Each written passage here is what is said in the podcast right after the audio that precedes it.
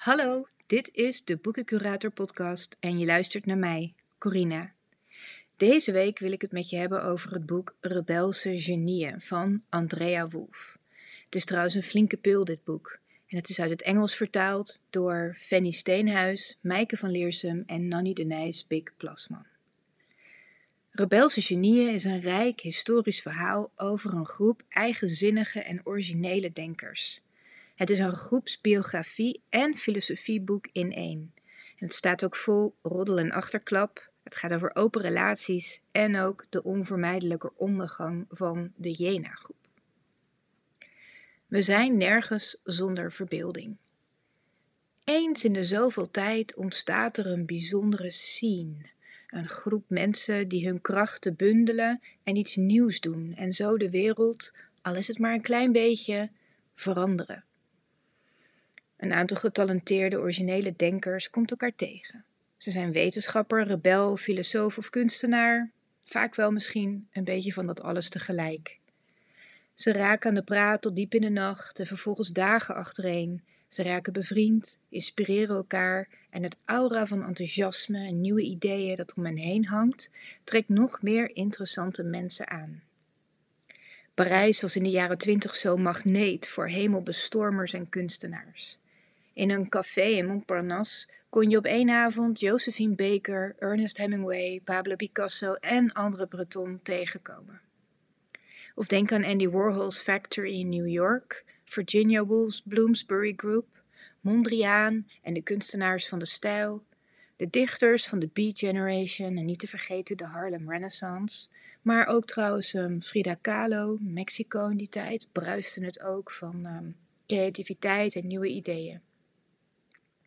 Aan dit rijtje kunnen we nu ook het Duitse plaatsje Jena toevoegen. Rond 1790 ontstond daar een groep mensen waar de vonken werkelijk van afsloegen en die samen een blijvende invloed hebben op ons denken, tot op de dag van vandaag. Reden genoeg om daar eens op in te zoomen. No book about German philosophy has any right to be this fun. Het boek Rebelse Genieën is een groepsbiografie en heeft als ondertitel De eerste romantici en de uitvinding van het ik.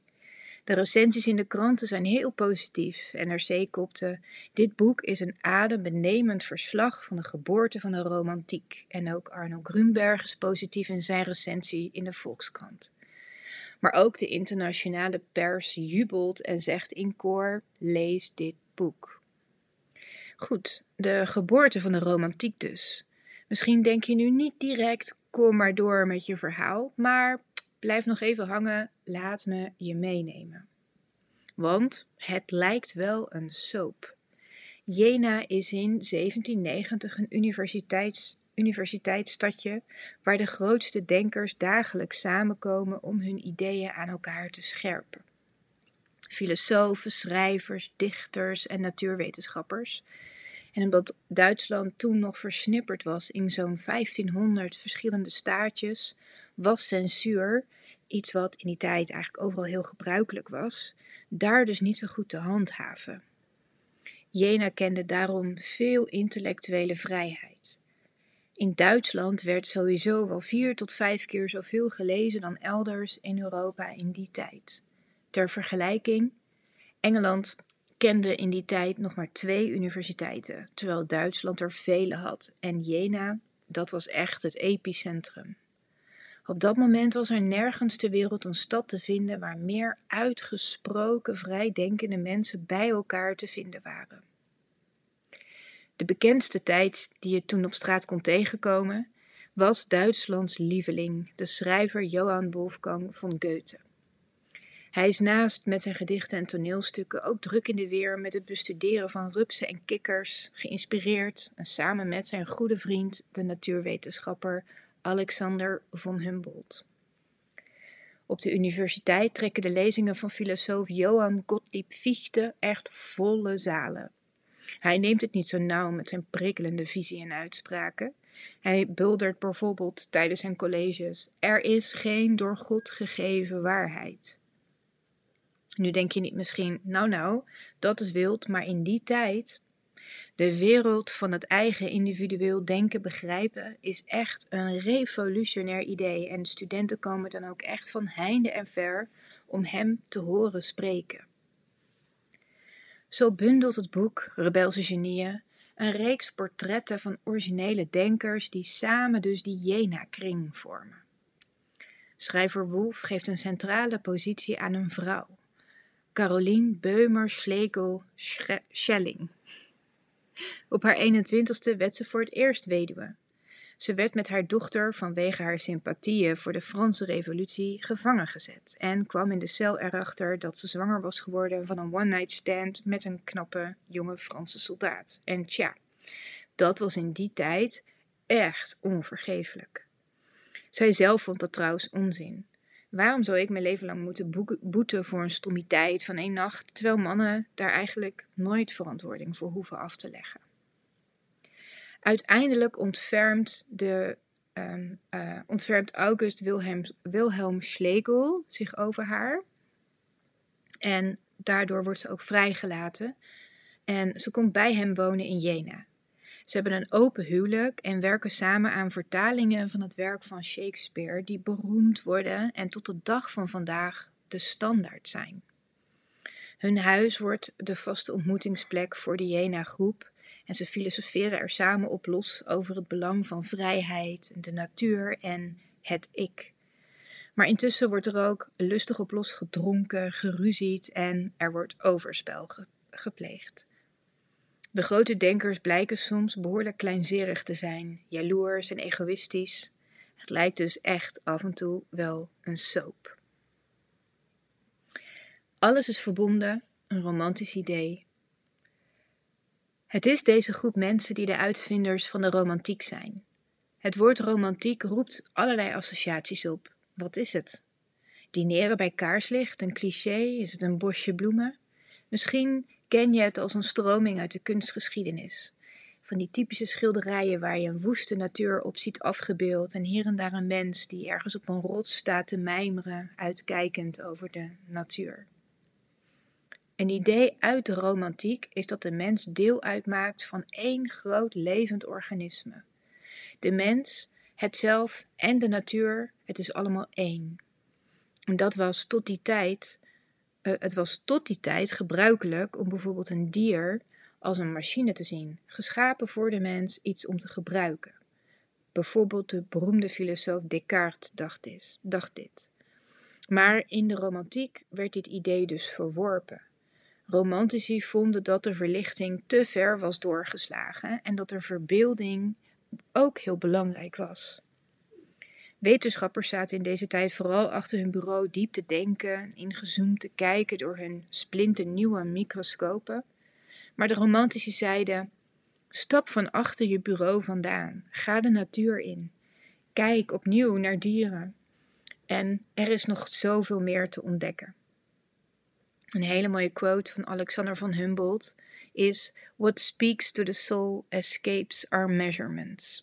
Ja, deze uitspraak deed hij trouwens origineel in het Duits. Ehm, maar nou, dat is wat lastiger te volgen.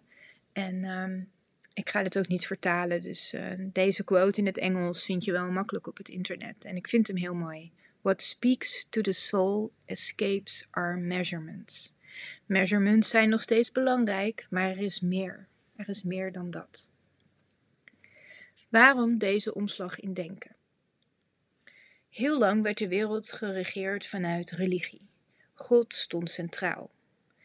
Tijdens de Renaissance, ongeveer 1300, verschoof dat wereldbeeld en nam de mens zelf een centralere positie in. Maar de wereld was echt nog heel sterk hiërarchisch. Als je een dubbeltje was, dan bleef je dat ook. Persoonlijke vrijheid bestond helemaal niet, voor niemand niet. Tijdens de verlichting ongeveer 1700, ontstond er weerstand tegen dat hiërarchische wereldbeeld. Kan een dubbeltje toch een kwartje worden? In Frankrijk is men de adel en het grote verschil tussen arm en rijk zo spuugzat dat de Franse revolutie uitbreekt. Tegelijkertijd verlaten ook heel wat mensen Europa om in Amerika hun geluk te beproeven. Die droom leek ineens voor iedereen bereikbaar, of nou ja, tenminste voor de prijs van een bootticket. Intussen heeft de wetenschap een enorme vlucht genomen in die jaren. Er worden allerlei uitvindingen gedaan, echt de een na de ander. Verlichting betekent ook letterlijk een licht op iets schijnen. Men was dus echt klaar met alle mystiek en geloof en het ging alleen nog maar om de reden, om logica, om feiten en om bewijzen. Nou, en dan vervolgens ontstond eind 1700 de romantiek. Een deel van de wetenschappers en schrijvers en filosofen uit die tijd zei ja wetenschap, ja reden, maar om de wereld echt te snappen heb je net iets meer nodig dan alleen die feiten. De onttovering van de wereld, zoals ze dat noemden, dat was volgens hen echt te ver gegaan. Het idee is dat je ook nog steeds verwondering en verbeelding nodig hebt om verder te komen. De Jena-kring discussieerde veel over het ik, individuele vrijheid en over hoe we de wereld kunnen begrijpen. Is dat gewoon door te kijken, door te observeren, objectief waarnemen? Maar kan dat wel? Kijken we niet allemaal door een persoonlijke en gekleurde bril? Heel simpel gezegd, twee mensen kijken naar dezelfde situatie. Bijvoorbeeld een ouderwetse Sinterklaas in tocht met zwarte pieten. Toch zien beide waarschijnlijk iets heel anders. Zijn we te veel met onszelf bezig? En is dit een retorische vraag? Inmiddels vinden we het heel normaal ons, ons oordeel over de wereld te vormen door het prisma van het ik. Door je eigen waarnemingen, door het kijken door je eigen bril. Het is de manier waarop we onze plek in de wereld begrijpen. Ons geloof is dat we vrij zijn om te doen en te laten wat we willen, en dat komt voort uit de romantiek. De Jena-groep bevrijdde het zelf, maar misschien zijn we wel doorgeslagen. We zijn het gewend te denken dat we ons leven kunnen vormgeven zoals we dat zelf wensen, mits je je schouders eronder zet. Dat kan soms lastig zijn, oké, oké, maar het is mogelijk als je maar wil.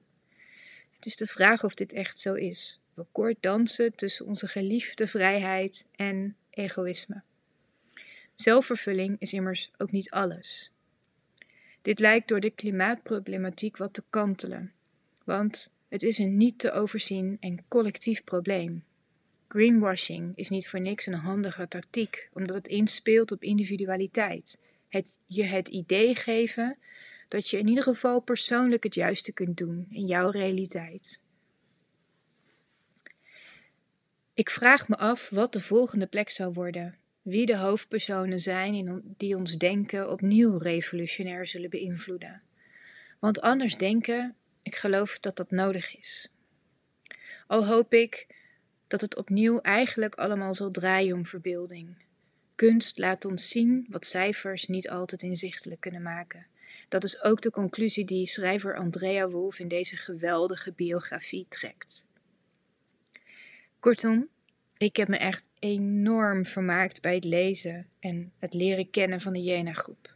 Ik zag, me, ik zag ze zo levendig voor me tijdens het lezen en het inspireerde me heel erg. Sterker nog, ik ga deze zomer op vakantie naar Jena en naar Weimar. Ik wil gewoon door die straten lopen en even door de sluier van de tijd heen een glimp opvangen van deze bruisende periode kijken naar dat meer in Jena en me voorstellen hoe Goethe daar elke winter weer schaatste. Dat is pas romantisch, niet?